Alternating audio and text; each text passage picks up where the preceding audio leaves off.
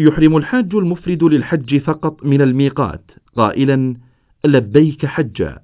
وعندما يصل إلى مكة المكرمة يطوف للقدوم ويسعى للحج ويبقى على إحرامه ولا يتحلل إلى أن يكمل مناسك الحج. وليس على المفرد هدي. لإعادة سماع الرسالة اختر زر النجمة.